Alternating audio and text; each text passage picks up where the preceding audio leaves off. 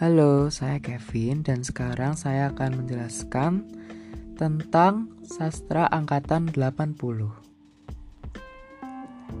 Angkatan 80 ini ditandai dengan banyaknya roman percintaan dengan sastrawan wanita yang menonjol pada masa tersebut yaitu Margate. Karya sastra 80 ini tersebar luas melalui majalah dan penerbitan umum. Kelahiran sastra angkatan 80-an diwarnai dengan aturan-aturan yang ketat dan dipengaruhi oleh kegiatan politik. Nah, angkatan 80-an lahir pada masa pemerintahan Soeharto era Orde Baru.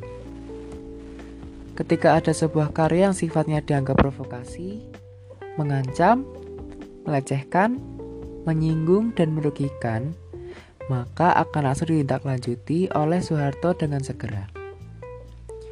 Contohnya adalah majalah Jaja yang terkenal waktu itu, berhenti terbit. Padahal majalah tersebut memuat masalah-masalah budaya bangsa dan kesenian Indonesia. Sebab-sebab di atas tersebut menjadi dasar tentang tema yang dititik beratkan pada angkatan 80 ini, yaitu tentang roman percintaan tadi.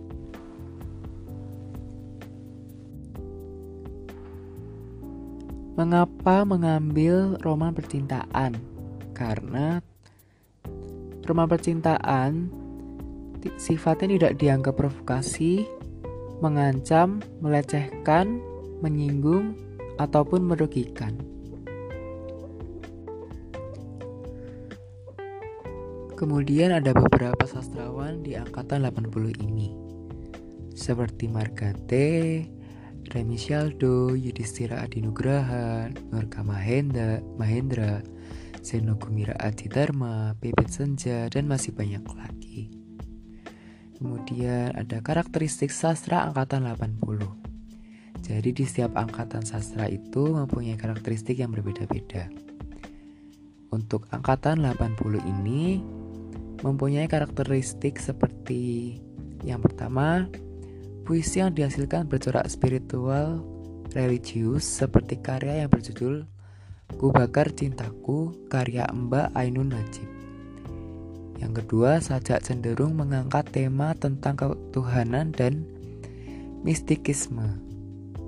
Yang ketiga, sastrawan menggunakan konsep improvisasi.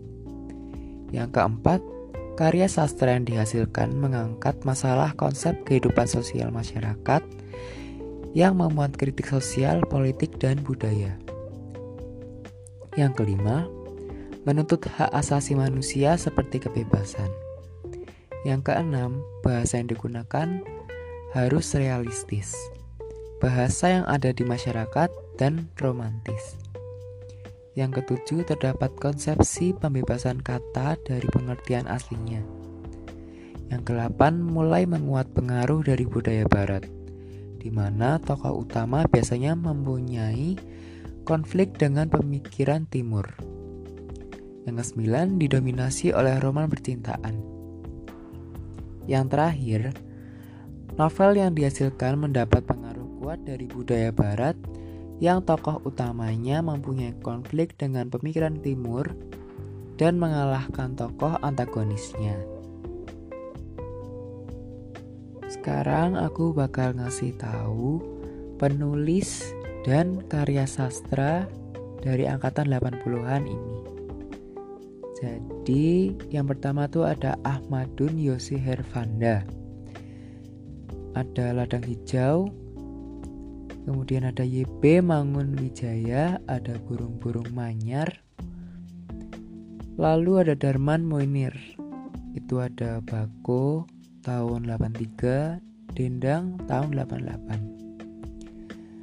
Kemudian ada Budi Dharma, Olenka tahun 83 dan Rafilus tahun 88. Selanjutnya ada Sindunata yang berjudul Anak Bajang Menggiring Angin tahun 84. Lalu ada Ars Wendo Atmowiloto yang berjudul, berjudul Canting tahun 86 dan masih banyak lagi. Oh iya, jadi di setiap karya sastra pasti memiliki kelebihan dan kekurangan. Nah, aku bakal ngasih tahu kelebihan dan kekurangan dari sastra angkatan 80-an ini. Untuk kelebihannya yang pertama ada memiliki wawasan estetik yang luas. Kedua, bertema tentang roman percintaan dan kisah kehidupan. Jadi lebih didasari oleh kemajuan ekonomi dan hidup yang indah bagi masyarakat. Kemudian bisa memberi kesan kebahagiaan bagi pembacanya juga. Yang ketiga ada menekan pada pemikiran dan cara penyampaian dalam karya sastra. Yang keempat, periode, periode 80-an ini merupakan sastra dinamik yang bergerak bersama masyarakat Indonesia untuk menuju kehidupannya yang baru dengan wawasan konstitusional. Yang kelima, para sastrawan mengikuti perkembangan zaman yang dituntun adanya keberanian dan kreativitas untuk berkarya. Yang keenam, periode 80-an ini karya sastra film juga berkembang pesat.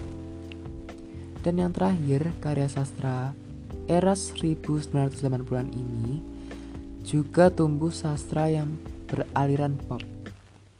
Jadi tidak selalu beraliran pada zaman dahulu terus. Jadi sekarang udah ada yang beraliran pop. Untuk ke kekurangannya yang pertama ada karya sastra angkatan 80-an ini diwarnai dengan aturan-aturan yang ketat dan dipengaruhi oleh kegiatan politik. Kemudian ada sastra.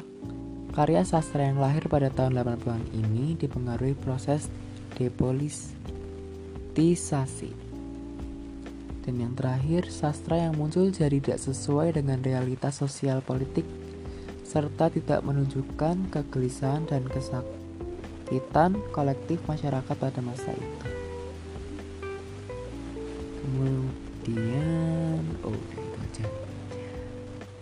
Dan terima kasih. Sekian dari saya. Sampai jumpa